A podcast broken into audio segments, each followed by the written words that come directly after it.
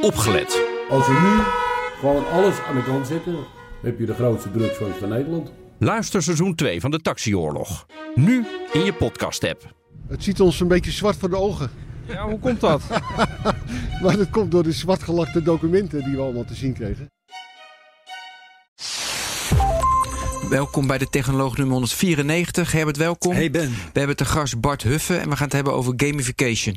En dan denk ik niet aan de spelletjes spelen, ik denk ook aan nutje. Dus meer van hoe je nu met de anderhalve meter regeling, met corona, hoe, waar, wanneer neem je de anderhalve meter regeling? Wat, voor, wat zet je op straat het, en daar een spel van maken? Ja. Dus de- dat is het onderwerp, maar voor dat, ja, maar ook gewoon games spelen. Maar op een, we- we- iets meer in dat nutje idee. Eh, we hebben een host read. Ja. Belangrijk. Precies. Daar we gaan, we gaan iedereen die nu luistert wegjagen bij de technoloog. Want je moet naar een andere podcast luisteren. Hierna. Eh, hierna mag Of ook. nu al, ja, ook goed. Eentje van KPN namelijk. Digital Heroes. En het gaat over het belang van optimaal beschermd zijn tegen cybercriminaliteit. Voor KPN heel belangrijk. En daar hebben ze niet zomaar iemand voor op pad gestuurd. Maar John van Schagen, De one and only. onze collega van BNR ook. Ja. John van Schagen die is op pad gegaan en praat met allerlei mensen in het veld.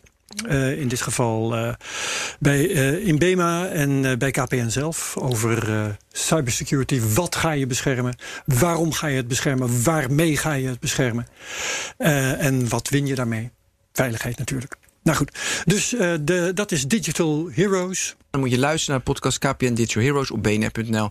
In je BNR-app of je favoriete podcastplayer. Dat bedoel ik. Mooi. Oké, eh, En nou weer hier naar luisteren. Bart. Precies, dus dat hebben we nu geluid terug. Oké, laten we heel simpel beginnen. Want ik heb natuurlijk eh, jouw definitie game, gamification. Want ik gaf net een beetje hoe breed ik wil. Maar geef Ja. jouw definitie. Nou ja, klassiek, of klassiek als je dat zou maar zeggen in mijn wereld. Maar eh, de, de meeste mensen die zich hiermee bezighouden definiëren gamification als het toepassen van spelmechanieken binnen een context die geen game is. Oftewel op het werk of op straat of in andere omgevingen dan dat het een entertainment game is. Ja. En dat, dat vond ik wel mooi, want toen vroeg ik van welke elementen praat je dan over? En toen schreef je mij terug, ja, dat is, dat is zoveel. Er zijn er dertig, je hebt er video's over gemaakt. Zal ik in de show notes zetten? Herbert, ik maak de show notes. Ja, oh, oké. Dat is fijn. Dat is geweldig. maar wat, wat mij nou te binnen schiet. Ja. eh, ik heb ooit nog eens een blauwe maandag wat eh, filosofiecolleges gehad als student. Ik ook. En een van de, van de grootste eye-openers uit mijn carrière in de filosofie was de vraag: wat is een spel? Ja. En als je daarover gaat nadenken, dan hou je niet meer op met nadenken. Want eh, je, je kunt geen definitie bedenken van een spel. En dus ook niet van een game, want game is gewoon het Engelse woord voor spel. Ik kan een poging doen. Ja, doe maar. Ja, doe eens een poging. dan, dan, dan geef ik je een voorbeeld van wat niet strookt met jouw definitie. Cool. Nou ja, omdat ik er zelf ook over na heb gedacht. Ja. Voor zowel mijn eerste boek als mijn tweede boek. Want ik heb geen achtergrond in game design of zo. Ik, eh, toen ik afstudeerde technische bedrijfskunde. Toen had je nog net eh, de HKU eh, Interaction Design. Dat was in Nederland de enige en eerste opleiding. Een jaar of twintig geleden. 99 zoiets. Ehm, maar voor mij is in ieder geval wat een game zich onderscheidt van elk ander medium. Hè, televisie, film, whatever. eh, dat er een opgelegd doel in zit. Dus je moet iets in een spel moet je iets. Je moet winnen of je moet eh, overleven of je moet. Maar er is, ik vertel jou wat je moet doen. En als het goed is, is dat relevant en leuk. Ja. Oké, dat, dat vind ik prachtig. Maar het is geen definitie. Eh, Het is alleen een eigenschap van een spel. Want er zijn veel meer dingen die een doel hebben. En dat zijn niet allemaal spellen. Ja, en dan zou ik dus gaan naar bijvoorbeeld het samenspel van een doel, obstakels, variabelen en een score of feedback. Ja. Het construct. Ah, ik vind het heel mooi. Ik ga, dat, ga, ga ik verder niet tegen. Nee, maar wat had jij dan nog? Nou ja, als het gaat om, als je je afvraagt wat is een spel, dan eh, daar, daar hou ik het dan even bij. Hè. Dat Ja, was doe maar. mijn. Doe maar, want ik zit ook niet te denken. Ja, dan ga je bijvoorbeeld denken van nou, een spel is bijvoorbeeld iets waarin mensen zich met elkaar meten. En dan denk je, nou, dat is het ook weer niet, want je hebt ook patience. Dan meet je je met helemaal niemand. Ja. Dan vermaak je je met een spel kaarten. Ja. Oké, is het dan vermaak? Nou, ook niet. Er zijn ook wel tegenvoorbeelden. Een spel is niet altijd vermaak. Eh, bijvoorbeeld als het gaat om eh, schaken. Ja. Jeetje, dat is, dat is niet echt vermaak hoor, als je aan het schaken bent. Dat kan stressvol zijn en Ja. inspannend. En dus wat je ook verzint als eigenschap van een spel, je vindt altijd dingen die je een spel zou willen noemen en die daar niet aan voldoen. Dat is het mooie. Ja. Ja, wat, waar ik aan moest denken toen jij zei over een doel, toen dacht ik van hey, heel veel mensen zien het leven als een met, weet je, als een spel. Het leven Ja. is een speeltoneel. Elk speelt Maar dat is dus helemaal het niet zo, want het is helemaal geen doel. Ja, overleven en niet gegeten worden. Ja, is, Heel primair. Nee, dat is waar. Nee, nee dat klopt. Oké, maar nu even, want dat, je, in die, daar zat toch heel veel welke, welke elementen. Toen zei je van ja, dat is als vragen hoe je naar Peking gaat. Ik dacht, nou, dat is heel simpel. Snelst met een vliegtuig, je kan wandelen, je kan met de fiets, met de. bo- Ja, bo- ja de- je kan van. Dus die voor, maar die elementen, hè, dus betekenis, dat had je net ook al. Betekenis geven, een doel hebben. Ja. Ja. En die elementen wil ik graag uitgediept hebben, want Ja. dat zijn de kenmerken van, een, van gamification. Nou ja, dus in, in ieder geval, kijk, en eh, vooropgesteld dat ik gamification niet eens zo leuk vind zelf. Het is eh, alleen wel een handig middel om een, eh, ja, de opdrachtgever te helpen met het bereiken van zijn doel. Maar ik, ik vind games spelen of serious games spelen veel leuker eigenlijk. Maar gamification is eigenlijk een ja, middel om gedragsverandering teweeg te brengen. En daar kan je allerlei mechanieken voor verzinnen en gebruiken. Als je maar weet wat iemand triggert. Eh jij zei ook al even nudging. En we hadden straks ook al even toen we hierheen liepen. Van eh, bijvoorbeeld als je op de, op de snelweg zit. Ik, ik rij vaak op de linkerbaan. Ik hou van doorrijden. Eh, helaas heb ik daardoor ook al mega, mega, mega veel boetes gehad. Dus ik eh, kap er nu mee. Ik ben het zat. Flitsmeister. Ja, heb ik. Maar zelfs Flitsmeister heeft ze niet allemaal. Maar laatst, eh, bijvoorbeeld zat er iemand heel Hoe lang achter mij, links, links achter mij te hangen. Maar wel op zo'n afstand dat hij niet duidelijk aangaf dat hij langs me wilde. Dus ik dacht, ik blijf gewoon links. Het leuke is dan, op het moment dat jij naar rechts gaat, gaat hij er langs. Dus ik verander iets in mijn gedrag en creëer daardoor gedragsverandering bij die ander. Dus kennelijk is die intrinsiek gemotiveerd toch op nummer 1 te komen liggen. Al is het maar in je hoofd hè, dat je op nummer 1 ligt. Ehm, dus ja, game mechanieken zijn er zoveel als je maar kunt verzinnen. Wat je creatief daarbij toelaat. Voor de een is dat punten. De ander is het eh, eh, een prinses kunnen veroveren. Voor de andere een kennisopdracht.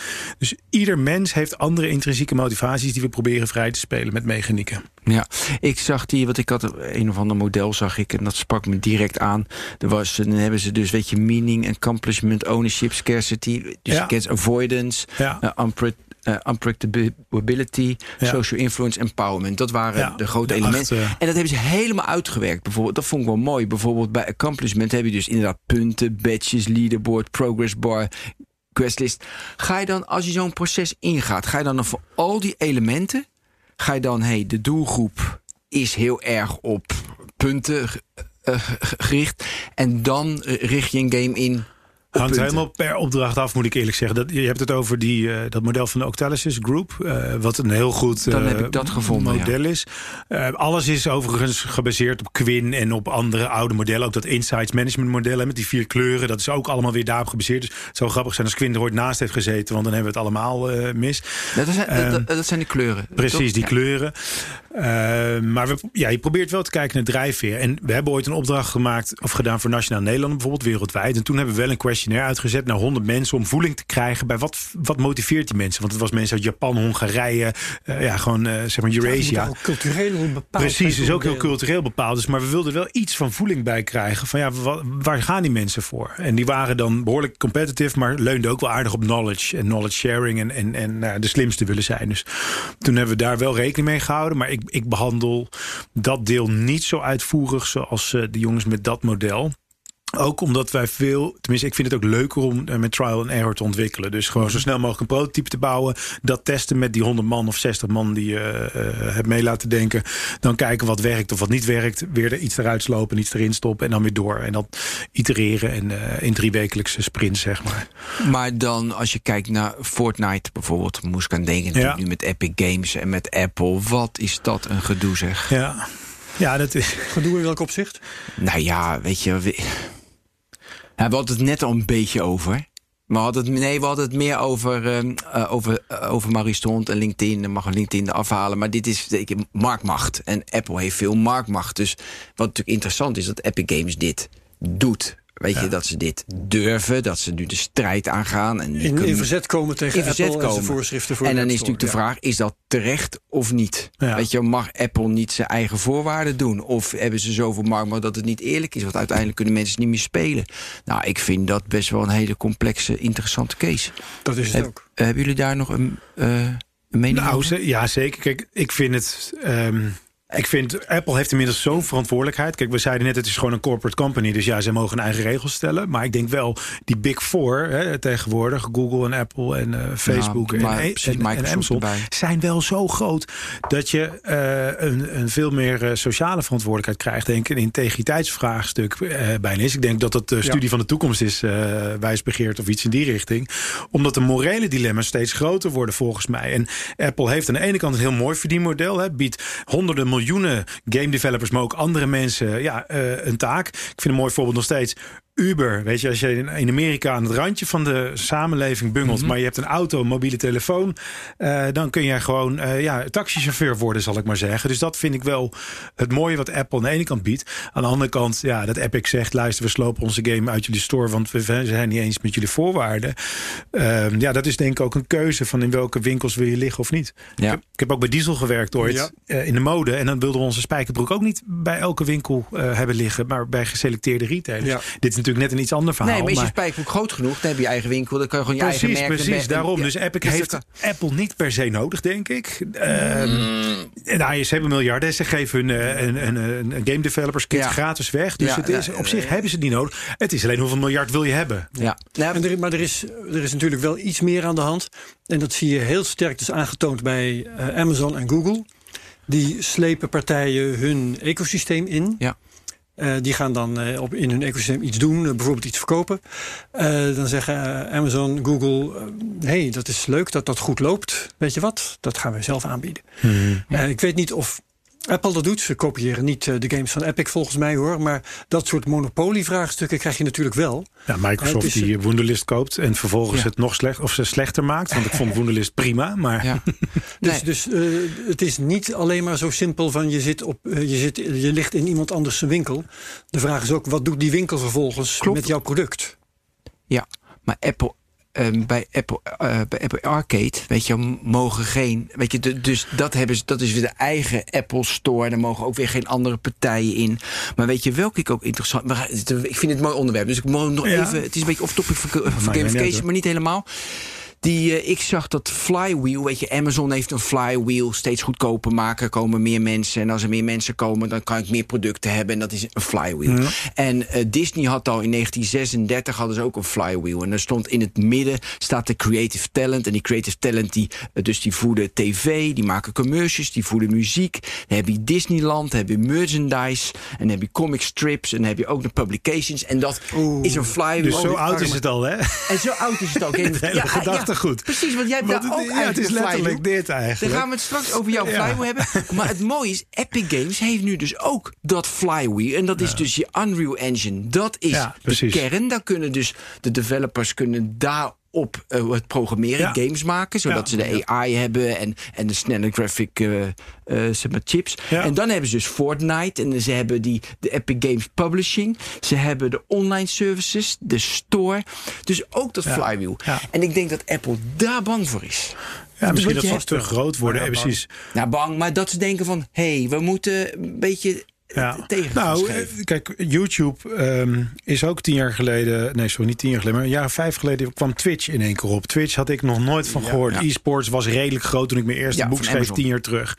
In één keer, precies. In één keer is Twitch daar. En zitten daar in één keer miljoenen gamers te kijken naar games die games spelen. Het is, ik, ik kan er nog steeds niet bij wat daar nou aan is. Maar laatst zei iemand tegen mij, Bart, je snapt het niet. Ik voetbal niet, maar ik kijk graag naar voetbal. Ik schaats niet, Ben, maar ik kijk graag naar schaats. Dus... Ik game niet, maar ik vind het wel leuk om naar gamers te kijken die Dat games spelen. ja. Dus het is wel geestig. We zijn inmiddels al zo ver geëvalueerd in die gamingwereld. Misschien dat, dat het daar uh, ja, nu ik- markt voor Ja, zijn. toen wij met Wart Gene over hadden, meer over e-sports, toen vertelde eh, eh, ik ook dat eh, ik vind naar FIFA kijken, vind ik leuker kijken, want het gaat veel sneller dan naar een echte voetbalwedstrijd. Grappig, ja. Want ja, FIFA is Nee, maar goed, ik ben de uitzondering. Nou, en, en minder, in de wereld. hey, Ja, en minder toneelspel op het veld als ze één keer een tikje Ja, krijgen dat ze liggen. Of juist andersom eh, Ja. benen gebroken. Maar ik vond het onwijs boeiend eh, dat je even, want we hadden het over flywheels, dat je uit, maar jij hebt ook in je boek, eh, mag ik mee? Ja, eigenlijk was ik geïnspireerd door Farmville. En eigenlijk door de game loop die in games ziet. Eh Neer Faryal heeft ook een boek geschreven over Hooked. En eigenlijk is dat ook gewoon het, de game loop die in een spelletje zit. Ja, maar dat is een enge man. Want die gaat eerst, ja, die gaat eerst het boek Hoekt. Moet je even lezen, gewoon als Ja, ik heb basis. hem, ja, ja. Eh, ja, tuurlijk. Is gewoon basis. Maar eerst gaat hij dus schrijven, Herbert, weet je, hoe je hoekt kan worden. Dat iedereen dat moet doen. Dus alle bedrijven in de wereld. Ik wil ook hoekt worden. Ik wil, ik wil gamification elementen. Ik wil mensen zo nutchen dat ze alles kopen wat ik maak. Nou, hoekt. Maar toen kreeg hij best wel veel pushback van... hé, hey, we mogen niet te veel nutchen en we mogen niet te veel optimaliseren. Dat is slecht voor de mensen. Toen ging hij overal, heeft hij een nieuw boek ges- geschreven. Zegt hij weer, ja, je moet oppassen. Je moet niet, je moet niet aan de andere kant staan. Nou, wat een gek. Goed, sorry dat ik het even eh, Ja. vertelde. Maar even, ik wil jouw loop eh, wil ik even doornemen. Ja, dus nou ja, goed. eh, Voor mijn ehm, tweede boek. Ik merkte gewoon, laat ik zo zeggen, even hoe het, hoe het tot stand gekomen is. Mijn eerste boek ging vooral over eh, games als een marketing tool. Dat is ook mijn achtergrond. Ik heb ooit bij Atari gewerkt. Ook trouwens met de boys van Epic. eh, toen nog Unreal Tournament eh, in de markt gezet. Een tijd bij Diesel gewerkt en twee jaar in de reclame. Maar mijn eerste boek ging dus vooral over een game, games gebruiken als marketing tool. Maar ik merkte dat eigenlijk sinds ik gestart was tien jaar geleden... dat de vraag van opdrachtgevers veel meer ging over verandermanagement. En veel meer over gedragsverandering, gedragsbeïnvloeding en noem maar op. En over cultuur. En toen dacht ik, nou, ik moet ook pivoten. Dus ik moet gaan nadenken, wa- waar, ja, waar is markt, waar is vraag? Want in mijn wereld is dat niet zo evident, zeker tien jaar geleden niet. En toen eh, ben ik gaan pivoten richting ja, gedragsverandering en cultuur. Dus ik vond dat ik nog een boek moest schrijven. Dan dit keer over gamification als motor van verandering. Omdat verandermanagement was ook echt een eh, mega topic. En dat stopt natuurlijk eigenlijk nooit. En het frustreerde me ook dat heel veel bedrijven zeiden... ja, we hebben een verandertraject. Of dit is de projectmanager verandering. En die kapte dan na een half jaar of een jaar... alsof daarna je klaar bent. Eh, en vandaar ook mijn kritiek op de business model canvas destijds. Dat ik dacht, ja, maar een bedrijf runnen is niet even een canvasje invullen... en daarna loslaten en kijken hoe je, hoe je frisdrankje de rest van de wereld eh, gaat eh, overhalen. Of eh, overwinnen. Dus... Maar ik- wat is jouw, was je alternatief voor de, van de Business Nou, Model dus- Canvas? Moeten nou, we die dus- uitleggen hebben, het Business Model Canvas? Ja. Nee, hè? Oh, wel. Nou, business model canvas is eigenlijk heel kort een verlies- en winstrekening, maar dan visueel gemaakt, zou je kunnen zeggen. Dat is hem heel erg plat. Maar, Ja, maar een leuke methodiek in ieder geval om scherp Ja. te krijgen van als jij een bedrijf wil starten of, of je bedrijfs, eh, eh, je business wil herbezien. Van nou, wat zijn dan je kanalen, wat zijn je properties, wat zijn je assets of je. Eh, nou, Maar wel belangrijk, want ik doe er een beetje lachen over. Het wordt echt veel gebruikt. ja, eens. Nee, ik ben, ik ben stinkjaloers op Patrick en eh, alle boys daar. Niet normaal. Hun boekje In kwam tegelijkertijd uit, uit met dat van mij, maar verkocht net ietsjes beter Welke van de Patrick is dat, Oostwalder. mag? Ja. Patrick van der Pijl Van de en Pijl Alexander Oostwalder. Ja, ja, Oosterwalder uit Zurich. Dat boek is al, denk ik, wel tien jaar oud, denk ik. Zeker, ja, Maar 2010. nu in ja. iedere nieuwe design sessie, kom altijd Ja. toch maar weer even, laten we Ja. toch de canvas maar weer, even, Ja. hebben, om even na te denken van, hé, hey, wat zijn mijn kanalen, wat is mijn propositie, wie zijn mijn klanten, hoe ga ik geld verdienen, wat zijn de kosten, om dat even toch, het zijn standaard vragen, maar het ziet er leuk uit. Hè. Daar gaan Ja, het is goed visueel. Maar daarom, het sprak me aan, want je had er daar een kruis door gezet. En, en toen dacht ik, hé, hey, wordt zoveel gebruikt, een kruis doorheen, wow. Nou, goed dat jou het opviel, want jij bent de eerste en de enige tot nu toe die erover begon. Maar het was wel een beetje provocerend bedoeld ook. Zo van, luister, dat is niet hoe je eh, voortdurend kunt veranderen en verbeteren. Dus ik heb me laten inspireren door game design. En ik dacht, wat is er nou zo mega verslavend in games? En hoe komt het nou dat we steeds een level up willen? Dus daar, dat ben ik gaan onderzoeken, twee jaar lang. Om vervolgens te kijken van welke processen moet een organisatie dan in, inrichten, zeg maar. Ja. Dus hoe kun je dan een organisatie verslavend Om, maken? om dan eh, één ding tegelijk te behandelen. Wat is het dat games zo verslavend maakt? Nou, dat is eigenlijk. Ja, dat is een hele. Dat, eh Ja, probeer het in het kort te nee, nee, doe, dit is echt belangrijk, want Ja, dat, dat ja. wil iedereen weten. Nou, dus in drie minuten probeer ik het uit te leggen. Nou, het is een, een combinatie van factoren. Eén ding wat ik zeker moet noemen is de flow. Dus een goede game brengt een speler in een staat van flow. En dat is een balans tussen frustratie en verveling. Dus ik stel jou doelen. ik zeg, Herbert, pak deze kaart eens. En dat eerste keer lukt je dat makkelijk. En dan krijg je, ah, supergoed, Herbert, 10 punten voor jou. Pak deze kaart nu eens. En die gaat iets sneller heen en weer. Dus die vind je moeilijker om te pakken. Maar als je hem pakt, krijg je van mij 20 punten. En vervolgens heb ik hier nog een paar kaarten. En je weet niet welke wel wat is en welke, wat, welke niet. Nou, en één daarvan is er wel eentje. En die krijg je. En als je hem dan krijgt, na 25 keer proberen, krijg je 30 punten. Als het goed is, heb ik je dan in een soort van flow gebracht. Die best frustrerend is op een gegeven moment. Want je zit misschien vijf keer mis, maar je blijft maar doorzetten omdat je zo benieuwd wat, wat erachter zit. Ehm, ehm, en dus het, het, het balans zit tussen frustratie en een stuk verveling. Want als het te makkelijk is, dan haak je af. Ja, denk je, gast, precies. 10 punten, I don't give a shit. Ik wil 100 punten of whatever. Dus die, ook die rewards moeten weer relevant zijn voor jou. Want als jij denkt, ik hoef helemaal geen punten. Ik wil auto's of ik wil eh, andere kleuren auto's dan ik eh, heb. Of whatever. Ik wil iets verzamelen. Stel, je bent meer een verzamelaar. Dus we moeten heel veel weten van nou, de mens, drijfveren, eh, we moeten eh, relevante doelen stellen. We moeten de flow. Nou, eh, de flow is één. De flow. Dat, dat is heel belangrijk. Niet, niet te makkelijk en niet te moeilijk. Dat herkent Precies. iedereen. Ja. Dat Als je-. Zelfs een burn-out bore-out op werk. Ja, als je, als je een spelletje gaat spelen en, en je krijgt niks voor elkaar, dan hou je snel op. En Ja, als je een ik- spelletje gaat spelen en eh, alles, lukt, alles lukt, dan is het niet interessant. Nee. Maar dan denk ik toch aan de timeline van ehm, TikTok in vergelijking met Facebook. Mhm, Die van TikTok is briljant. mhm. Dat is echt, ik vind het gewoon, gewoon is niet normaal. Als in de timeline zo kort als dat, dat het populair is geworden? Of nee, bedoel je timeline, hoe, als jij er doorheen scrolt, Ja, ja. Hoe, hoe, hoe prettig die... dat, je, dat je alleen maar door wil. Ja. Weet je, je, je- dat is verslavend. Ja, Dat doen ze echt knap. ja. Ik denk ook de beste timeline. En omdat ze natuurlijk eh, con- continu een filmpje hebben die compete met de hele wereld van hey. En ze kunnen mij de beste filmpjes kunnen ze laten zien. En Ja. ik heb geen persoon, een vriend die op mijn Facebook timeline, die ik dat eigenlijk toch maar hebben ze toch maar ertussen gezet. Heeft dit, dus dat zie, dat zie ik ook flow. Want ik word de hele tijd, word, hey leuk, eh, nee, die niet even door. Je krijgt weer een trigger, precies. Ja. Precies, hè, dat is ook flow. Hè? Ja. Dus het zit niet alleen in dat spelletje, het zit ook die flow in Nee, het is timeline. zelfs, kijk, het komt oorspronkelijk volgens mij zelfs uit de sportwereld of uit de psychologie. Ja. Of hè, voor hardlopen of die noem maar op. Dus, ja, die is misschien Dat geweest. Mats. Die, Hij heeft die naam is onmogelijk van eh, die ja. man. nou spreken we hem zo uit. Maar goed, dat, ja, Een dus, boek. dus dat heeft er ook mee te maken. Maar ehm, Oké, flow. Maar noem maar even nog even. Want ook processen, zeg maar. Hè. Games zijn eigenlijk procesmechanismen. Dus we willen jou eigenlijk een, een routine gaan aanleren... die je zo prettig vindt dat je dat wil blijven doen. En als je dat een paar keer hebt gedaan... gaan we jou iets anders laten doen, iets nieuws leren. En het beste voorbeeld vind ik Farmville. Daarom haal ik die ook aan en daar was ik ook het meest door geïnspireerd. Farmville is eigenlijk een spelletje waarbij je virtueel... je eigen eh, tuintje moet aanharken. Dus een volkstuintje van vroeger. Nou, dat is de game te bizar voor woorden overigens dat dat dus mega populair geworden is. Maar dat was een van de eerste games van Zynga op Facebook destijds, tien jaar geleden. En werd instant populair. 70 miljoen mensen gemiddeld speelden dat. En eh, de kracht ook daarvan was bijvoorbeeld... Nee, je begint dus eigenlijk met vier stukjes land. Dan moet je zaadjes planten. Dan moet je wachten. Dan komt er een plantje uit. Het plantje kan je snoeien voor geld. Met dat geld kan je weer zaadjes kopen. Kan je weer planten. Moet je weer wachten. Kan je weer snoeien voor geld. En dit gaat maar door, gaat maar door. Totdat het moment aankomt dat je voor 10.000 puntjes... een extra stukje land kan kopen. Of een extra schoffeltje. Of je buren kunt uitnodigen. Dat als jij namelijk niet bent over vier uurtjes... als die tomaatjes rijp zijn... dat je buurman die tomaatjes voor mij kan harvesten. Dat ik toch die inkomsten krijg, maar mijn buurman ook een beetje. Dus de sociale factor. Peer pressure. Wil je je kind groente laten eten? Zet hem dan naast een kind wat van groente houdt... en dan gaat hij dat nadoen.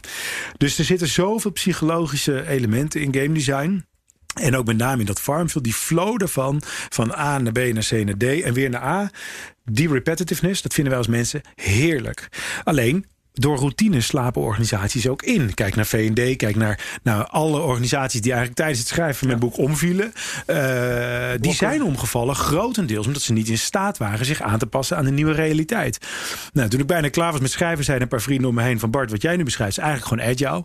Eh, Scrum en noem maar op, dat is, de, die, dat is zo werk. Toen dacht ik, oh shit, ja, je hebt gelijk. Dat is precies eigenlijk agile werken. Dus het leunt dicht op elkaar. Alleen, ja, wij, wij zetten natuurlijk eh, verandering in beweging met games en, en met spelelementen in plaats nu van eh, workshops. impliciet zegt, agile werken is eigenlijk eh, gamification. Eh, nou ja, dat heeft heel veel van elkaar weg. Maar hetzelfde wat Neer voor jou, dat boek Hoekt, dat, dat, zijn ook gewoon, dat is ook gewoon een game routine. En routines is gewoon menselijk gedrag. Ja. Eh, Ja, maar dus, zie agile zie ik en gamification vind ik nu nog even. Wil je, wil je die voor mij, voor, voor, voor mij uitleggen? Nou, het feit dat je agile. Kijk, het feit, ik denk dat agile het stukje is level up. Hè? Dus eh, in mijn boek beschrijf ik, je moet dingen dus eh, bedenken. ja, we gaan maken, het hele proces moeten nog even door hoor, dit. Want dat, vind- dat vind ik wel even handig. Ja, dus het bedenken, maken, verkopen en verbeteren, dat zijn de processen die grote organisaties volgens mij al onder controle moeten hebben. En bedenken kan je noemen innovatie. Hè? Het maken kan je zeggen is eh, product leadership of operational excellence, sorry. En verkopen is customer intimacy, een van de groeistrategieën. En tenslotte heb je het verbeteren. Gek genoeg hebben heel weinig bedrijven echt iemand op verbeteren zitten. Je zou verwachten dat is de CEO die dat moet Ja. doen, want dat is de hoogste basis. Die is verantwoordelijk voor innovatie trouwens, mag ik dat zeggen? Ja. kijk, kijk inderdaad, peultje naar het, naar het lampje. Ja, dat Ja, ja. maar het gekke is dus dat er bijna niemand voor verantwoordelijk is. Of het is een stafafdeling R&D. En ik hoorde zelfs tot vijf jaar geleden nog dat bij Philips bijvoorbeeld mensen op R&D werden beloond voor de hoeveelheid ideeën. Niet of ze ooit goed in de markt, ja, niet of ze ooit goed in de markt beland waren en enige verkoop hadden gerealiseerd. Nee, maar puur KPI'tje op zoveel Ja. mogelijk ideeën. Weer Nou, 3000 dan wil ik ook wel wat nee, dingen maar verzinnen. dat verandert nu echt wel. Nee, tuurlijk, dat is zeker nu aan het veranderen. Maar tot vijf jaar geleden, zeg ik eerlijk, heb ik dat soort dingen gehoord. En ook nog steeds trouwens hoor ik van zelfs klanten van mij... dat ze zeggen wat we hier nu aan het bedenken zijn... bleek laatst, hebben ze in Oostenrijk ook zitten bouwen. Dus precies diezelfde technologie. Ik denk, nou, dat is lekker, Ja. even overleggen. Maar weet je, eh, het valideren met klanten, customer journeys maken, weet je, dat, is. het is wel steeds meer de norm Ik natuurlijk. denk dat we, dat doen alle bedrijven nu. Ja, nou ja, gelukkig nog Oh. niet alle, maar het is wel bijna norm. Dus, nee, en ik denk norm. agile is dat stukje improvement, hè, dat, in, in, dat verbeterproces, dat is dat agile werken, denk ik. Ja. Eh, Oké, zijn er nog in vanuit een gamification perspectief bij de ontwikkeling van ideeën, is- is- moet daar nog iets bijzonders worden gedaan? Of is nou, ik heb het in mijn boek verder niet per proces behandeld of zo. Ik, ik leg alleen uit van kijk, als je nou wil verbeteren, ik, ik reik in ieder geval één methodiek aan. Dat is een workshop methode die we zelf ook gebruiken bij klanten om gewoon een verandervraagstuk stuk scherp te krijgen. Zo een veranderstuk scherp te krijgen. Verandervraagstuk scherp te krijgen. Dat doen we met een, met een spelvorm, zodat klanten ook meteen al een beetje gevoel hebben wat gamification Ja. is.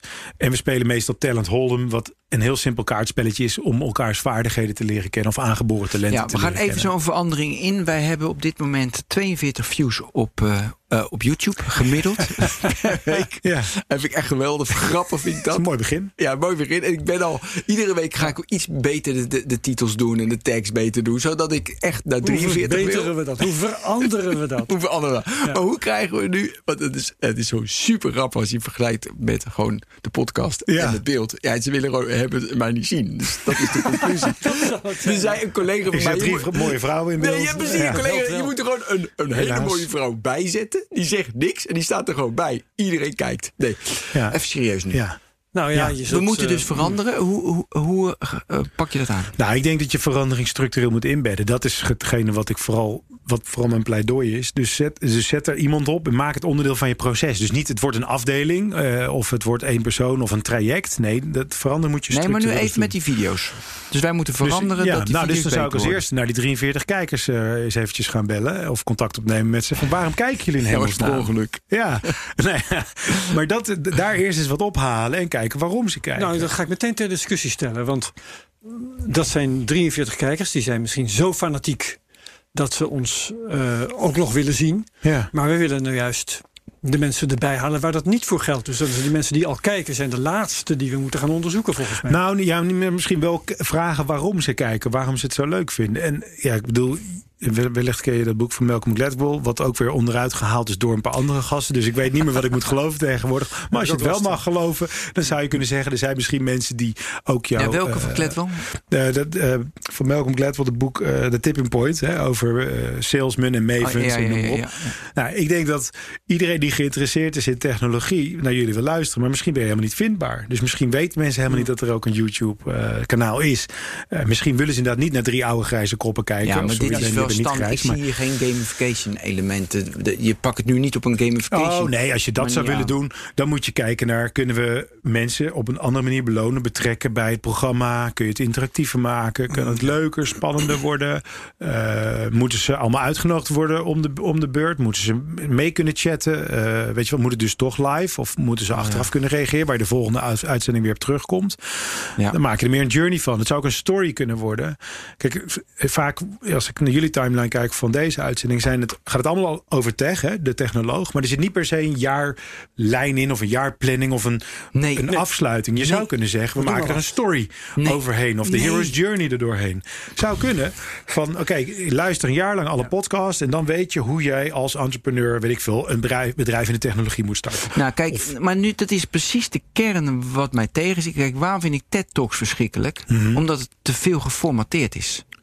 Dus weet je, dan weet ik precies. ik helemaal met je eens. En wat ik mooi vind, is dat Herbert ineens met een vraag komt waarvan ik denk van ja, jongen, dat vind ik de verrassing. Ja, en als Ja. dat misschien niet goed valt, of als ik iets zeg dat hij goed valt, ja, dan zei dat, dat is het risico, maar dat risico neem je. Nee, maar goed, op onder, je zou kunnen zeggen op onderwerpniveau. Al neem je de Business Model Canvas als het hoofdprogramma. En daar ga je elke uitzending één laadje opentrekken. Dus één keer één aflevering gaat over kanalen, verkoopkanalen. Welke zijn er eigenlijk allemaal tegenwoordig? Welke zijn de Ja, meest effectieve? je het. Nou, bla, bla. En dan heb je een soort format. Als je dat dan luistert, die drie maanden lang... dan heb jij je certificaat gehaald. eh, de technoloog level 1. Daar, daar kan ik me wel iets bij voorstellen. En de level Ik ook. 2 Oh, ja. is... Dus En dan ga je wordt- zelf certificeringen ophangen. En er wordt natuurlijk heel veel gedaan eh, om, om, eh, om om publiek te optimaliseren. Hè, wordt vaak naar eh, formateren gegrepen. Ja. Dat is een be- bewezen succesformule. Hmm. Eh, het probleem is alleen dat wij met de technoloog een bepaald succes hebben gehad, juist door dat niet te doen. Mhm. Alleen in de podcast variant. Dus als we nou die video's willen gaan optimaliseren, dan moet je natuurlijk wel oppassen dat je dat niet weggooit. Nee, Anders maar je zou dus in de tekst. verliezen. Je zou ook in de podcast variant, in de ontwikkeling, want het moet altijd veranderen, het moet altijd verbeteren. Ja. Weet je wel? Verbeteren vind ik ook wat je, hoe beter kan het worden op een gegeven moment. nee, verbeteren voor het ene deel van het publiek is niet verbeteren. voor Precies, het andere precies. het Wat, is verbeteren? Oh, Dat houdt Ja. ook een keer, eh, Ja. een keer op. Ja. Ehm, wat wilde ik nou zeggen? Nou, ik weet het niet meer. Nee. Eh maakt niet uit. Maar, vergis je ook niet hoeveel content is er niet tegenwoordig, mannen. Ik bedoel, eh, ik vraag me wel eens af wie dat allemaal kan bekijken en beluisteren. Maar sterker niet, nog, hoor. dat kan, het kan niet eens. Want YouTube heeft al bewezen dat er, ik geloof, duizend keer meer wordt geüpload dan er ooit in een mensenleven Ja. eh, bekeken kan worden. Ja, dus weet je wat, we gaan gewoon tevreden zijn met wat we hebben. Wat dacht je daarvan? Dat is, dat is, dat vind ik heel goed. Nee, echt, dat meen ik. Want me- me- het is allemaal te hyper. En voor mij is het gewoon in een bepaalde regelmaat. Weet je wel? Want je, in, je kan je flow, maar er zit een regelmaat in. Dat merk ik ook, ook bij mezelf. Ik luister wel heel veel verschillende podcasts. Maar er zit ook een, een top in die ik minder luister. En, en er zit een regelmaat in. En, en dat komt terug. Dat zit in je systeem. Er zit weinig gamification element in. Maar mij. niet alles hoeft ook gegamificeerd te worden, denk ik. Ik bedoel, ik zei al in het begin, ik ben zelf ook sceptisch over gamification as such. Ik, ik geloof het bijvoorbeeld helemaal niet in richting consumenten. Als je kijkt naar Amerika, hè, Badgeville en Bunchball zijn daar de gedoodverfde eh, bedrijven die daar iets met gamification doen. Die ken Maar ik niet. Moet je even... Eh, Badgeville en Bunchball. Eh, Stootbal. Maar, maar die zijn eh, in Amerika heel groot. Omdat Amerikanen best wel gevoelig zijn voor sweepstakes. En, en weet ik veel, als ik hier drie keer klik, dan ben ik zogenaamd eh klikker of de wereld. En dan krijg ik misschien 5% korting op ja, een. ja, eh, la- of ik ja, maak kans. Wij geloven al die onzin niet in Nederland. Dus hier kom je daar denk ik niet mee weg. Ja. Daarom heb ik me ook altijd gericht op medewerkers en niet op consumenten. Ja, daar gaan we zo naartoe. Even, we hadden Flo- eh, Flow. Moeten we er nog even, ik denk nog even twee uithalen om, om die belangrijk zijn. Van wat game design of wat game mechanieken, Ja. eh, wat een game eh, samenstelt. Nou ja, dus dat, ik, dus relevante doelen stellen. Doel, doel Flow. Sowieso. Ehm, en eigenlijk is het gewoon mensen handelingen laten verrichten waarvan zij denken dat ze de moeite waard zijn om dat doel te bereiken wat je stelt. En of dat nou is red de prinses of zet de snelste tijd neer met schaatsen, autorijden of iets anders. En ook vervolgens een relevante beloning. Dus er moet wel een beloning in. Maar vergis je niet, er kan ook gewoon feedback zijn. Hè? Van hey, je bent lekker bezig, goed gedaan. Dat, dat overigens ook in het echte leven eh, doet dat meer dan Ja. een hoger salaris. Want niet iedereen wil per se een hoger salaris, maar willen gewoon waardering. Ja, of ve- gezellige vrienden op het werk of eh, een fijne dag hebben. Ja. Ehm, dus in, in, en een visuele schil is ook mega belangrijk. Dat is eigenlijk de eerste eh, beslissende factor of iemand die game aanraakt of niet. Want als, het, als je een game gaat maken voor vrachtwagenchauffeurs en het is roze met knuffeldiertjes, dan is de kans denk ik heel klein dat ze het gaan spelen. Ja. Hoewel tot mijn grote verbazing heel veel mannen ook Candy Crush nog steeds spelen. Ja, ja, ja, ja. En dat is toch snoepjes fijn eh, trappen om eh, nou ja, binnen vijf minuten zoveel mogelijk snoepjes Mhm. combineren. En dan krijg je weer een Ja. level up. Ja, maar goed, jij eh, gebruikt gamification voor andere processen binnen organisaties. Ja, En hoe weet je nou dat dat effectief is? Achteraf helaas alleen, eh, vooraf nooit. Dus ik heb het vijf jaar lang ook, of nou tien jaar lang denk ik, eh, moeten verkopen op mijn enthousiasme. En, eh, en het feit dat veel opdrachtgevers het aandurft om eens een keer wat anders te proberen dan de zoveelste e-learning of een veranderd traject En met wat een doe je coach. dan of- bijvoorbeeld? Nou ja, in het geval van, ehm, nou laat ik één case misschien noemen. Nee, jij moet, je, je, want je hebt eh, ver- verschillende gestuurd. Ik vind dat, Ja. ik vind dat boeiend. Nou, moet ik naam en toenaam even noemen? Dat is Nou ja, liever gewoon een grote verzekeringsmaatschappij. nodig. Ja, precies. Nee, want dus- ja, joh. ik Nou, wil dus- vooral weten wat, Ja, wat precies. is Nou, dus- er gebeurde. en waarom werkt het. En Ja, precies. Nou, ik, heb- ik heb ze ook allemaal gespeeld die je stuurde. Ja. Ja. Eh, nou, in ieder geval een grote verzekeraar die, die had ooit een rebrandingstraject. Die kwamen terug van een, of die waren losgeknipt eh, geknipt, eh, geknipt van een bank. Ehm, dus die moesten een eigen identiteit weer heruitvinden. En hadden toen drie merkwaarden gedefinieerd. Van nou, vanaf nu zijn we dit. Ja, take it or leave it. Maar vanaf nu zijn we dit. Een missie. Een missie en een, en een merkwaarde tot leven brengen onder 16.000 medewerkers wereldwijd. Ja. Nou, kan je doen met posters. Oké, dan krijg je misschien iets van kennis en bewustwording ervan. Je kunt iets doen met eh, een video misschien. Van kijk, zo zijn wij. En eh, dit is eh, Herbert. En dit is de jongen die we allemaal willen zijn. Dus vanaf nu, wees als Herbert. Nou, dat werkt misschien ook niet zo goed. Dus ehm, wij mochten daarnaast... Want ja, voordat je jouw beide oplossing- werd gedaan. Waarom, wat, wat is dan in die mens dat hij niet denkt van... joh, ik werk ergens, dit zijn de nieuwe drie kernwaarden. Als ik ergens zou werken en, en er zijn drie nieuwe kernwaarden... denk ik, nou ja, vanaf morgen, dat zijn de kernwaarden. Even goede vrienden. Als iemand doen dat op mij ging loslaten, hè, even. Ja?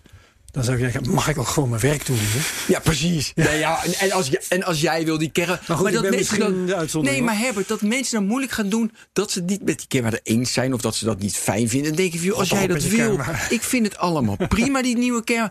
Dus wat zit er dan in die 16.000 man... dat er dus een veranderd traject met gamification... in dit geval Of ingezet wat moet zit er in die game dat je 16.000 man zo gek krijgt...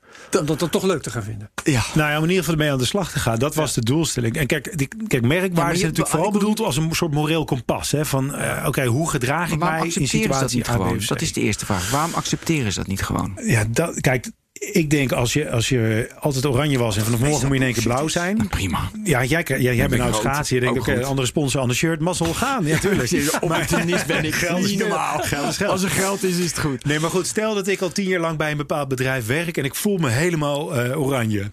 En dan in één keer moet ik blauw gaan doen en blauw is hip en happening. En dan denk je, maar ik ben helemaal niet hip, ik ben 50 en ik voel me ook helemaal niet hip. Geweldig Nou ja, grappig. Dan moet je inderdaad. maar je dan moet dan toch mee. Dan Nou, moet je dus die game spelen. Volgens mij is het dan of wegwezen, dus moet je, want je voelt je niet meer thuis. Moet je volgens mij ergens Ja. anders gaan werken. Nou, dat lukt ook niet altijd op je 50. Of je moet dan toch mee in die flow.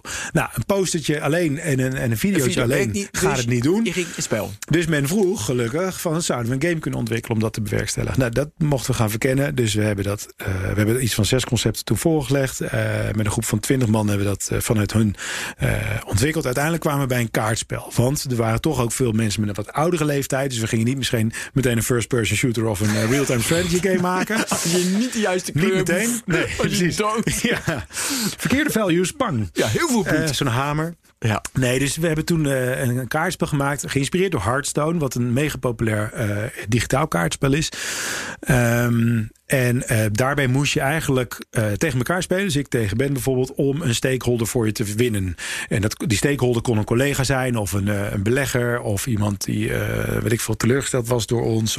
Dus allerlei verschillende soorten klanten, of eh, stakeholders, sorry.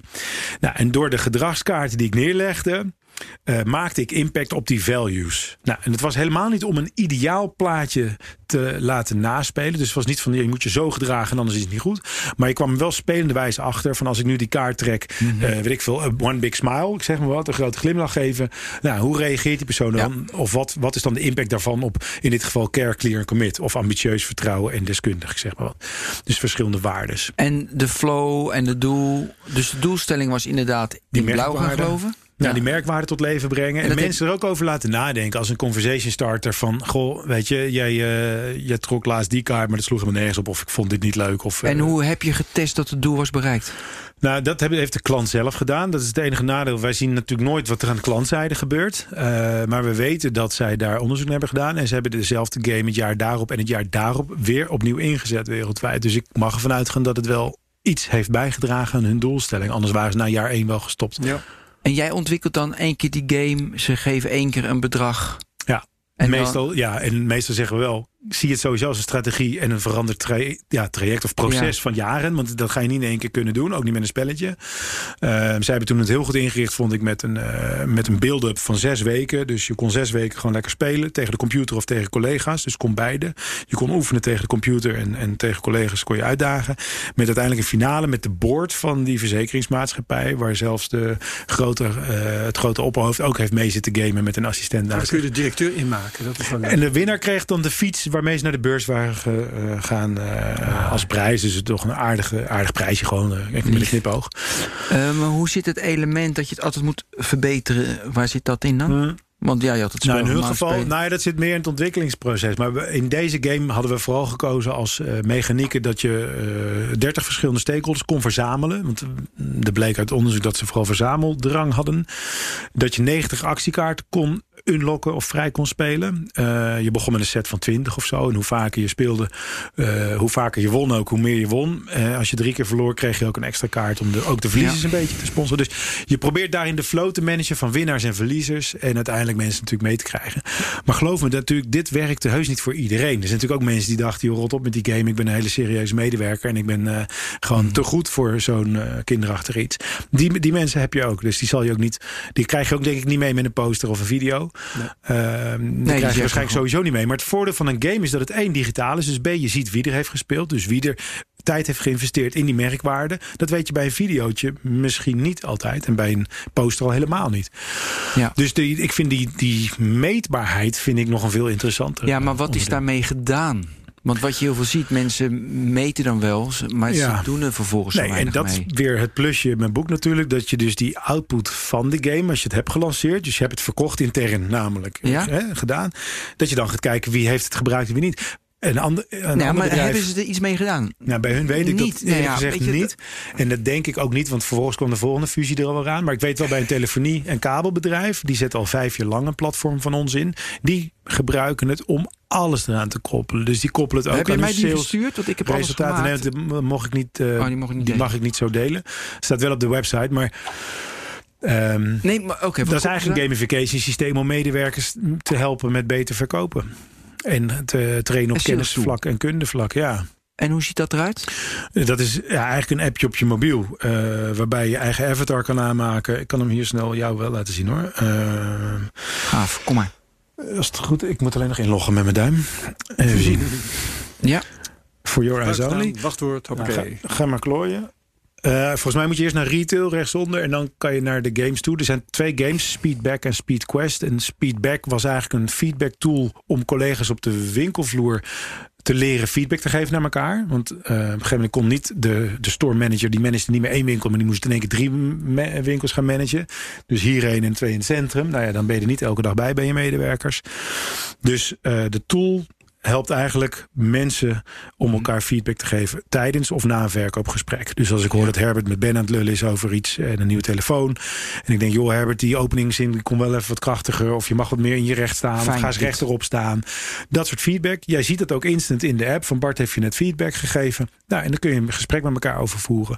En er zitten ook challenges in. Bijvoorbeeld schrijf minimaal drie keer een review deze week. En dan unlock jij de badge. eh, weet ik veel, eh, hoe heet die schrijver? Nou ja, hè, een schrijver, ik ben even zijn naam kwijt. Maar Romeo en Juliet, hè, wie schreef dat nog eens? Shakespeare. Precies. Je hebt de Shakespeare badge unlocked. En daar maakte dus vooral gebruik van badges. En een andere game hebben we gebruikt voor meer customization en, eh, en kennisvraagstukken. Je maakt dus dat dan specifiek. Dus moet je heet het custom made maken. Eh, zijn er ook heel veel SaaS-achtige oplossingen, Klopt. toeltjes. Ja, en dat zijn ook mijn gekeken? grotere concurrenten. Momenteel merk ik steeds vaker dat veel klanten toch voor een standaard oplossing kiezen. Ehm, en dat heeft voor- en nadelen uiteraard. Ik, Ja. ik, ik zie wel eens eh, dingen dat ik denk, wow, die, daar ben ik echt van onder de indruk. Dus ik snap wel dat ze daarvoor gegaan zijn. Eh, hoewel ik veel opdrachtgevers daar toch weer later op terug hoor komen. Omdat ze denken, ja shit, het, het doet net, net niet wat we exact wilden. En heb je dan ook over gamification dingen? Ja, zeker. Ja, zeker. Ik zag laatst... Gewoon eh, one size fits all. Ja. Eén product wat ja, iedereen... met daar gewoon standaard badges, Punten, de hele Ja. rambam erin. Ja, ik weet het niet meer uit mijn hoofd, maar Frans, ik heb net een pitch verloren van een eh, heel groot eh, bedrijf voor kinderproducten. en eh, dat was een Frans bedrijf. En die hebben een eh, ja, een turnkey solution voor dat. En dat bouw even, dus die stack, de bouwen ze op de, bijvoorbeeld op de Unreal, eh, weet je, engine. Ik heb geen idee van deze wereld. hoor, Ja, dus daarom- HTML meestal, want eh, eh, de ding Nee, is- maar wat, op wat voor platform is het? Want er moet toch. Want wat ik vertelde over Unreal, dat las ik toevallig vanmorgen. Weet je, in die engine zit dus die grafische kaart en de kunstmatige intelligentie. Zodat een developer dat, dat is vrij duur om allemaal te hebben, dat allemaal niet constant opnieuw hoeft te hebben. Dan Ja. bouw je op die engine Eens, ja. jouw front-end, zeg Ja. maar. ja. Eh, dan vond, dacht ik, hé, hey, ik wist niet dat dat in de gamingwereld ook zo was. Eh, dus ik ga ervan Ja, uit eigenlijk heel dat... lang. Vroeger moest je eerst je engine bouwen. Om Ja. vervolgens pas je game te kunnen bouwen. En door HTML en standaarden als Java en noem maar op. Dat zijn eigenlijk ook al tools. Vroeger was Flash heel populair onder game. Ja. eh, tenminste onder web game developers. Ja, maar dat is de front-end. Dus ik zat even van... Ja, qua, ja, zeg maar, als game engine daarachter. Dus daarom de, vraag ik me af, die Franse partij, op welke engine bouwt die? Of Zij, ik weet dat, nou die jongens volgens mij ook gewoon HTML, maar een andere Franse partij toevallig ook, die heeft alles in eh, Unity gebouwd. Nou is ook natuurlijk, eh, zeg maar. Zit je wel, ja, tegenwoordig trouwens is het ook compatible met browsers, maar dat was ook een tijd lang nog niet. Ja. Dus wij bouwden daarom eigenlijk alles in HTML, zodat klanten het. Maar nu ook Unity, mochten. want dat is toch wel de Ja. Unity is wel, eh, ja, super, ja, niet voor mij, want ik ben geen techneut, maar super simpel om in te bouwen, zegt men. En ook inderdaad de, de Nee. Unreal Engine natuurlijk. Ja, maar ik kan me dus voorstellen dat je die engine hebt, bijvoorbeeld de Unreal. Ik heb geen verstand van hiervan, maar- maar goed. Unreal. En dat je dat platform gebruikt. En dan bouw je inderdaad in Unity of, of in HTML. Bouw je dus, je gebruikt die engine. En dan kan je dat uitbouwen voor specifieke partijen, specifieke games. Ja. En ik kan me voorstellen dat zo'n Franse partij dat dus maakt. En dan als SaaS wereldwijd wegzet. Ja, en dat, dat doen zij goed. Die hebben daar gewoon een dik sales team op zitten. Kijk, ik ben nog steeds als eenling aan het werk in samenwerking met een partner, eh Unkink dan in Amsterdam, waar twintig designers zitten. Maar we hebben wel ook in de afgelopen drie jaar ook een eigen engine gebouwd voor adventure games bijvoorbeeld. Omdat we merkten dat er best veel vraag is naar e-learning oplossingen, Ja. maar dan op een leukere manier. En dat is denk ik die game die je hebt gespeeld van Survival Island. Ik heb Survival Island gespeeld, ja. Kijk, kwam je er helemaal uit? Heb je hem helemaal uit kunnen Nee, spelen? natuurlijk niet. Ja, want iedereen loopt vast Maar- maar- punt. Voordat we de- daarover verder gaan, wil ik nog wel eerst even vragen. eh, zoals jij net dat voorbeeld gaf, eh, kreeg ik heel erg de indruk dat gamification in zo'n context van zo'n bedrijf ehm, heel specifiek is. En dus eigenlijk alleen maar voor een individuele klant ontwikkeld zou kunnen worden. Nou vertel je, er is een Frans bedrijf met een turnkey solution. Ja. Maar hoe ziet zo'n game er dan uit? Als, Ja. ik, als ik dat afneem als bedrijf, wat kom ik dan tegen? Dat, dat kan toch haast alleen maar hele algemene shit zijn? Ja, zo, ja, daar zitten dus wel veel algemene mechanieken Geen, in. geen eh, concrete bedrijfswaarde zoals mijn board dat net bedacht heeft. Even daar gelaten of dat bullshit is, ja of nee. Ja, ja. Maar, eh, Nee, klopt. Dus de, en de visuele stijl, hè, niet te vergeten. Dus die Ja. game voor die verzekeraar hebben we volledig in de huisstijl met hun fotografie gedaan, met hun eh, Ja. kleuren en geuren, noem maar op. En die kleur en geur kan je nog wel aanpassen. Vaak een logootje uploaden in zo'n SaaS-oplossing kan ook nog wel. Maar daar stopt het wel. Ja. En vaak Wat- begint ook de ellende na de verkoop. tegen in het geval van die Franse jongens. Sorry, wat voor? Wat voor game is dat? Wat, wat, Nou, wat er is helemaal geen game wat mij betreft. Zoals je, kijk, wat, dat, dat is meer een systeem, moet je denken als... oké, er wordt kennis gedeeld. Heb je het filmpje bekeken, dan krijg je een punt. Of heb je het blogje Oh, gelezen, dan krijg je een punt. niveau. En met Ja, die ja. puntjes kun je misschien nog net iets. Kun je misschien nog zeggen, oké, je hebt duizend punten. Eh, maar vaak zit er een leaderboard in of eh, alleen maar badges. En Dus dan stopt het. veel minder speels. Nou, en dus minder op de drijfveren van die doelgroep gericht. En daar Ja. gaat het denk ik op lange termijn mank. Want in het begin lijkt het leuk. Want je hebt een eh, nou, leuk, mooie visuele tool. Het werkt ook vaak wel goed. De content is helemaal voor de klant, klant specifiek door henzelf in die tool te zetten. Maar ook dat moet dan gebeuren. Dus het moet ook bij iemand neer, neergelegd worden die dat ook moet gaan doen. eh, en leuk moet vinden. Maar ik denk dat je op langere termijn dat mensen dan toch missen van ja, maar oké, nu ben ik, er zit er een leaderboard in, nu ben ik de eerste. Maar een leaderboard is alleen maar leuk voor de top 10. En die andere 900 man, die zitten ernaar te kijken Ja. ja, oké, fuck it. Dus Die die, haken af. Dus Ja. een leaderboard is- het meest genoemde mechanic binnen gamification, maar het is ook vaak de meest slechte. Precies. Ja. Eh, Bij een heel competitive sales team werkt het misschien. Maar je zult dan heel veel doorsneden ook weer moeten maken. Van hij heeft de meeste verkoop gerealiseerd. Hij heeft het het snelst gedaan. Hij kreeg de hoogste waardering van klanten. En dus je moet op, op Ja. to the max discrimineren. Ja. En dan blijft het misschien leuk. Maar dat betekent weer dat je superveel mechanieken erin moet stoppen. Ja, En Daar, heb ik ook nog wel een vraag over. Want ehm, inderdaad, bijhouden wie het meest verkoopt bijvoorbeeld of iets dergelijks. Hè, dat is, eh, ik weet niet of jij dat gamification zou noemen, maar het is in elk geval iets waar je wedijver in bouwt. Hè?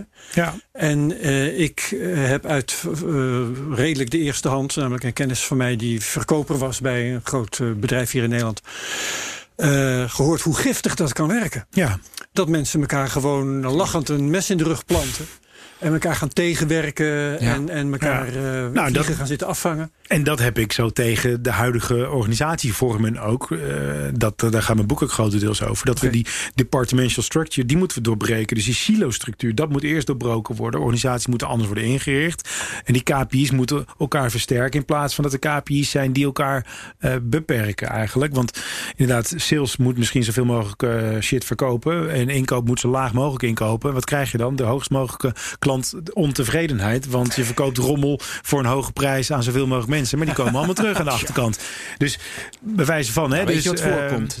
Dus, dus de IT-afdeling heeft als target kosten drukken. Want ja, het gaat steeds goedkoper. Die Ja. hebben een actief target kosten.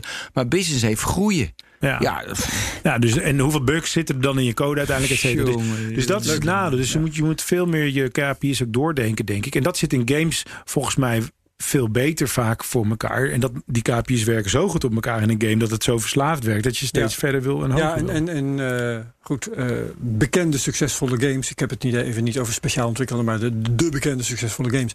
Daarin leren mensen samenwerken. Dat is natuurlijk een. dat Eigenschap van games Precies, wat je- Ja. genoemd. Dat zeker Jij, jij had een game gespeeld eh, van een, een eiland. Ja, Ja. Ik heb een eiland gespeeld en dat was, de bedoeling was, want ik ben natuurlijk zwaar gestrest iedere dag en, in mijn, eh, en dat is heel Nederland. Dat was mij ook al opgevallen. Ja, precies. En, we moesten, en ik moest dat spelen, want dan ging ik uh, ontstrest en ik kreeg geen burn-out. Nou, ik kreeg er bijna een burn-out van die game. Was hij te moeilijk? Nee. Ja, nee, de, de opdrachtgever die vroeg oorspronkelijk, en dat is eh, het traject van een paar jaar geweest, maar die zei, weet je, burn-out is een groot probleem in Nederland, maar vooral eh, maar zeker in Nederland. Eh, vooral ook onder jongeren. Eh, mijn vriendin is 13 jaar jonger dan ik, maar die heeft al een burn-out gehad, eh, even denken, 10 jaar geleden ongeveer, acht jaar geleden. Ehm, en, tien was of zo. ja, precies, sorry. ik wilde hem ook maar. Ik leerde haar kennen toen ze 13 was. expres. Nee. Ik wist dat hij, het zat in jouw hoofd en in mijn hoofd. En ik zeg het ook totaal verkeerd. Maar goed, anyhow. Nee, dus, eh, maar onder jongeren is het een groot probleem. Zelfs voordat ze gaan werken, zijn, hebben ze al een burn-out. Wat ik bizar vind, maar het schijnt zo te zijn. Ik denk ook door de overflow aan content en noem maar op.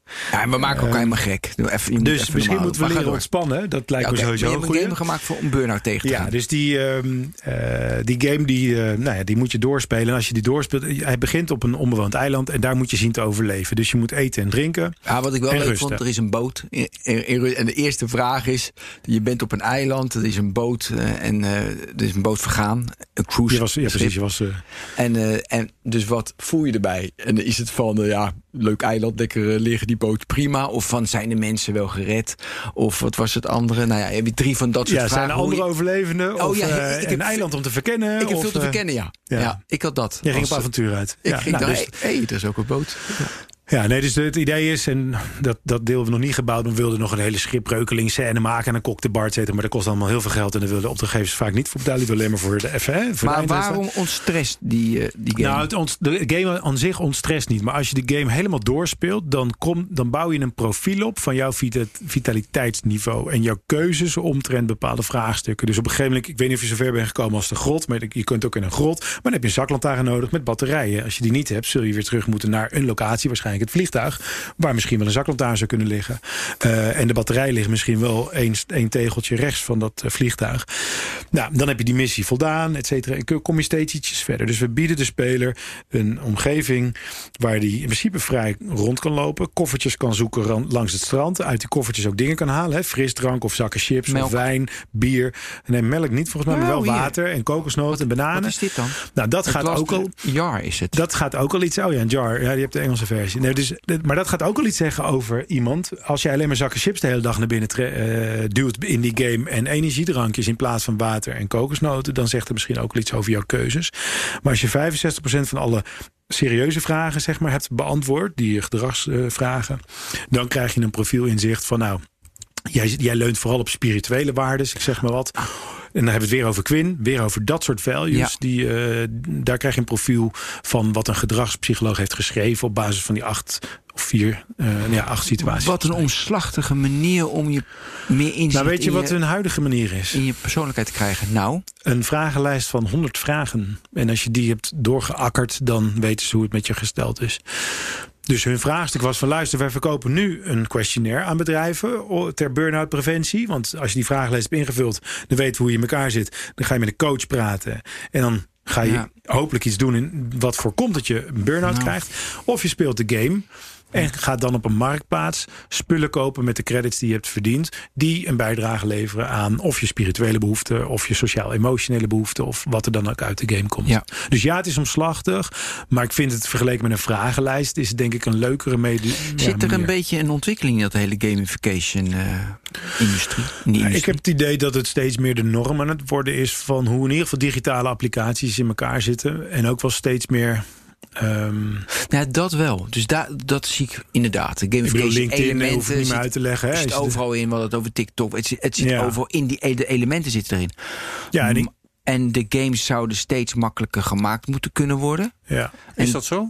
Ja, dat Ja, valt dus die nog wel tegen behalve, ja, ja, behalve Unity dus als je een makkelijk. schaalbaar concept hebt. Ik, ik heb me altijd gericht op maatwerkconcepten, tien jaar lang, dus gericht schieten op een specifiek vraagstuk. Ja, we hebben nu een eigen engine waarbij, waarmee we dus adventure games kunnen maken. En jij ziet nu allemaal eilandbeelden, maar dat zou ook een, een retail store kunnen zijn, of dat zou een bankgebouw kunnen zijn, of whatever. Dat zijn gewoon plaatjes die een bepaald doolhof vormen en eh, daar kunnen vraagstukken of missies op worden afgevuurd.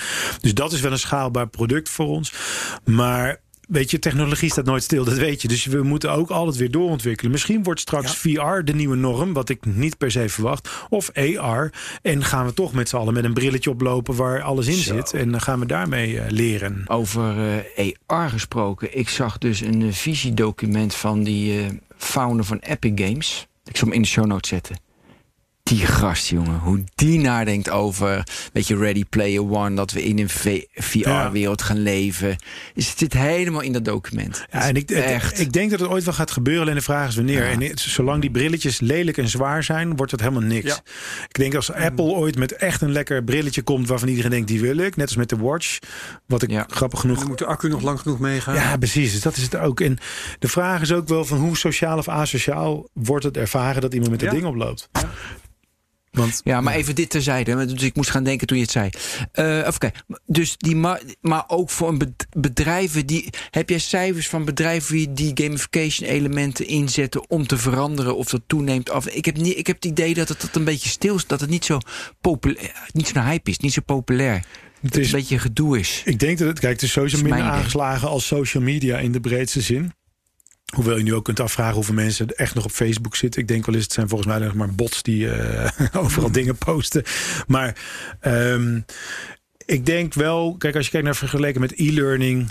Eh, de klassieke manier, hè, of die, die compliance eh, vraagstukjes die je moet doorklikken eh, tot vervelens toe, Ja. dat, dat, dat die, die producten gaan wel vervangen worden, denk ik, door serious games of andere dingen of gamification systemen. Ik denk dat learning and development, leren op afstand. Ik bedoel, met corona lijkt me het evident dat je meer op afstand moet, van, moet gaan leren. Dus dat gaan wij natuurlijk vanuit ons graag faciliteren. Ja.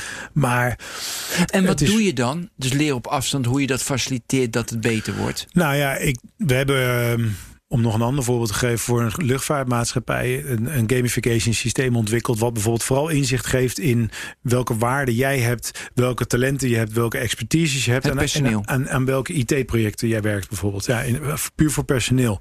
Om te voorkomen dus dat wij hier een softwareprogramma aan het bouwen zijn, wat ze ook in Oekraïne aan het bouwen waren tegelijkertijd voor hetzelfde probleem. Dus het idee van, de, van het systeem was dat je problemen kon posten als een soort jammer of in, als een soort eh, eh, Slack, ja, eh, forum of Slack-achtige omgeving, precies. Daaraan expertise kon koppelen die je nodig had om dat probleem op te lossen. En vervolgens konden mensen zich daaraan koppelen. Maar doordat iemand zijn values heeft ingevuld en zijn talenten en expertises, kon je dus heel eenvoudig eh, via AI het team samenstellen met vergelijke waardes. Toch wel weer belangrijk, same values. Maar complementary talents, dus, dus aanvullende talenten en expertises. Dat kan allemaal door middel van AI. En ik, ik, dat was echt mijn toekomstproject samen met mijn compagnon voordat hij overspannen werd, helaas vorig jaar. Maar, maar dat wilden wij echt helemaal gaan eh, ontwikkelen. Dat, dat je dus, eh, als je duizend man in dienst hebt, dat je precies weet wie welke values heeft. En dat je mensen op basis van die values kunt clusteren. En op basis van complementary talents. En kunt zien wie een groot probleem oplossend, oplossend vermogen heeft. Kijken wie sociaal is, wie Ja. niet sociaal is. Wie alleen speelt, wie nooit samenspeelt. Of juist wel samenspeelt. Wie die app niet eens aanraakt. Nou ja. Om een veel beter inzicht te krijgen. Wat voor vlees hebben we nou eigenlijk in de kuip? Want HR op dit moment is echt nog steeds eh, gissen in het donker. En eh, we doen maar wat met z'n allen volgens mij. Op elk HR-congres zie ik de vraag: wat is de rol van HR? Dan denk ik, nou, als jullie het al niet weten, laat staan dat wij het dan weten voor Maar jullie. ik, Maar ik, ik hoor wel dat, ja, ik weet niet of ik moet zeggen, door die gamification ehm, personeel steeds meer beloerd wordt. ja, dat is denk ik ook wel zo. Maar ik vind Of dat. gebeurt er toch wel, ook zonder Ja, ik denk dat privacy een, een, eh, een, hoe zeg je dat? Een gepasseerd station is. Nou, een gepasseerd station. ergens. Ik vind Ja. die AVG-regeling heel goed voor bedrijven die ons willen verneuken. hè. Dus, eh, klanten, ja. Dus ik krijg ook spam. Ik word ook gebeld op mijn mobiel waar ik geen zin in heb. Dus daarom heb ik een tweede genomen, et cetera. Maar ehm, Wat is er mis mee als ik van mijn medewerkers, mijn belangrijkste nou, bezittingen, zal ik maar even Assets. zeggen, precies weet wie waar goed in is en hoe ze elkaar helpen? Je Ja. kunt hem ook positief Ja. belichten. Nee, maar je kunt ook je afvragen waar de grenzen liggen. Hè? Want als er dus eh, een, eh, nou, zoiets als een een of andere game eh, op het personeel wordt losgelaten. en dat, dat ga je maar spelen, want dan komen we meer over je te weten. En het wordt zelfs bijgehouden en ik word erop aangesproken als ik geen, daar geen zin in heb, bijvoorbeeld. Ja, ik vind het wel ver gaan. Ja, maar dat, ja, het is zeker, daarom denk ik ook, wat ik in het begin zei, ik denk dat ethiek eh, de, de- Ja. het vraagstuk van de toekomst is, ethiek. Ehm, maar kijk, Maar jij denkt je- we gebruiken altijd een te goede trouw. Ja. Nou, bij die, bij die eh, kabelaar hebben we hetzelfde commentaar gekregen toen we dat, die feedback-applicatie gingen lanceren. Van ja, ik ben toch een NSB'er en ik ga mijn, mijn maarten niet verraden. Maar dit- dat, dat werd heel snel omgedraaid naar een positief sentiment. Van luister, het is niet bedoeld om iemand eh, te verraden. Het is bedoeld om iemands verkoopvaardigheden te vergroten. En dat kun je doen door je mond open te trekken naar elkaar en te zeggen: hé hey vriend, jij doet dit zo en zo. Ik zou het zo aangepakt hebben. Ja. En dan heb je een dialoog. Dus at most leveren we op zijn minst in ieder geval een conversation starter op een leuke manier. En ja, eh, het management kon gewoon een, eh, een eh, lijstje uitprinten. Dus We moesten nog een printknop bouwen op een gegeven ogenblik voor het beoordelingsgesprek. Maar het formulier was pre-filled met al zijn data. En ja, als je daaruit ziet van God Bart, jij geeft een ander nooit feedback. Dat is misschien wel een learning, learning puntje voor jou. Dan weet je dat toch? Ja, moeten we ons gaan schamen? Ik vind dat het hele, door de, door de hele hashtag MeToo en, en discriminatie geheel, eh, zijn we nu in één keer, mogen we in één keer niks meer vinden van elkaar of niks meer zeggen. Hij is groot, hij is klein, hij is dik, hij is dun. Ja, dat, dat is nou helemaal zo. En ik denk dat we daar ook iets mee moeten. Want als ik weet waar jij goed in bent, wil ik dat gebruiken. Maar sommige mensen zitten op een plek waar ze misschien helemaal niet tot hun recht komen. Terwijl als je weet vanuit zijn values en vanuit zijn talenten, moet hij eigenlijk op deze afdeling zitten. En dan kan je hem zo verschuiven. Maar zolang jij dat niet weet, tast je dus in het duister. Dus ik vind het heel- heel goed als er meer transparantie is. Ja. Maar ik snap, Duidelijk? ik snap dat mensen het eng vinden. Maar waarschijnlijk zijn het net die mensen die eigenlijk niet nodig zijn binnen dat bedrijf. Eh, ja, dat zou kunnen. Of, of het zijn gewoon mensen die gewend zijn om hun eh, werk gewetensvol te doen. En die het alleen, dat eh, spelen van zo'n spelletje alleen maar vinden dat het afleidt van Ja, eens kan ook. wat Maar ze graag doen. Nou, en, dat zal ik altijd onderkennen. Ik zeg, gemiddeld worden onze games en systemen door ongeveer twee derde van de mensen gebruikt. Dus die andere Oké. een derde, daar zul je andere dingen voor moeten ontwikkelen. Dat Ja, kan nog ja, steeds een fysieke workshop zijn als je het hebt over learning and development. Of gewoon een normaal gesprek met elkaar. Ik- dit spel hebben we toen voor een eh, grote sneaker retailer in Europa ontwikkeld. Gaat puur over talentontwikkeling. En is puur om inzicht te krijgen in waar is Ben nou goed in en waar ben jij nou goed in. En hoe kunnen we dat optimaliseren of optimaal gebruik van maken in onze winkel. Bij de behandeling van de klant. En als we weten, Ben die weet alles over schoenen. Ja, dan als iemand zegt ik wil van deze nieuwe schoenen precies weten wat de hardloopdetails erover zijn. Dan zegt Ben, kom jij maar even. Dan ga ik dat niet doen, toch?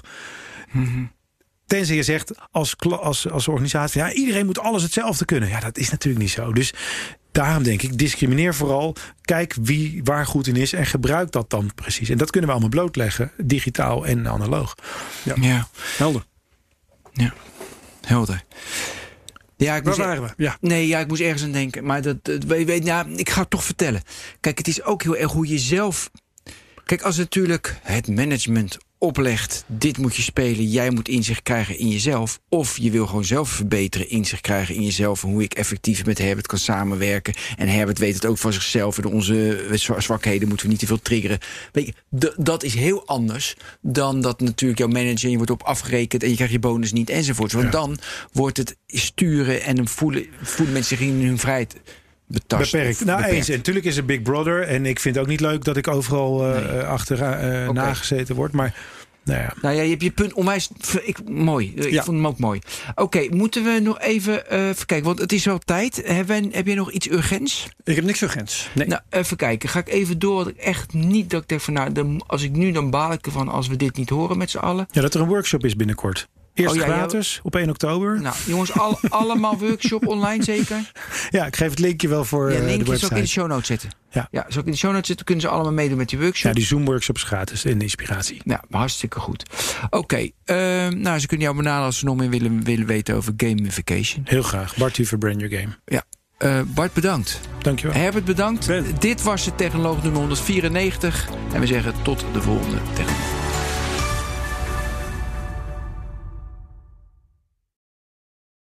Ook Bas van Werven vind je in de BNR-app. Ja, je kunt live naar mij en Iwan luisteren tijdens de ochtendspits. Je krijgt een melding van Breaking News. En niet alleen onze podcast Ochtendnieuws, maar alle BNR-podcasts vind je in de app. Download nu de gratis BNR-app en blijf scherp.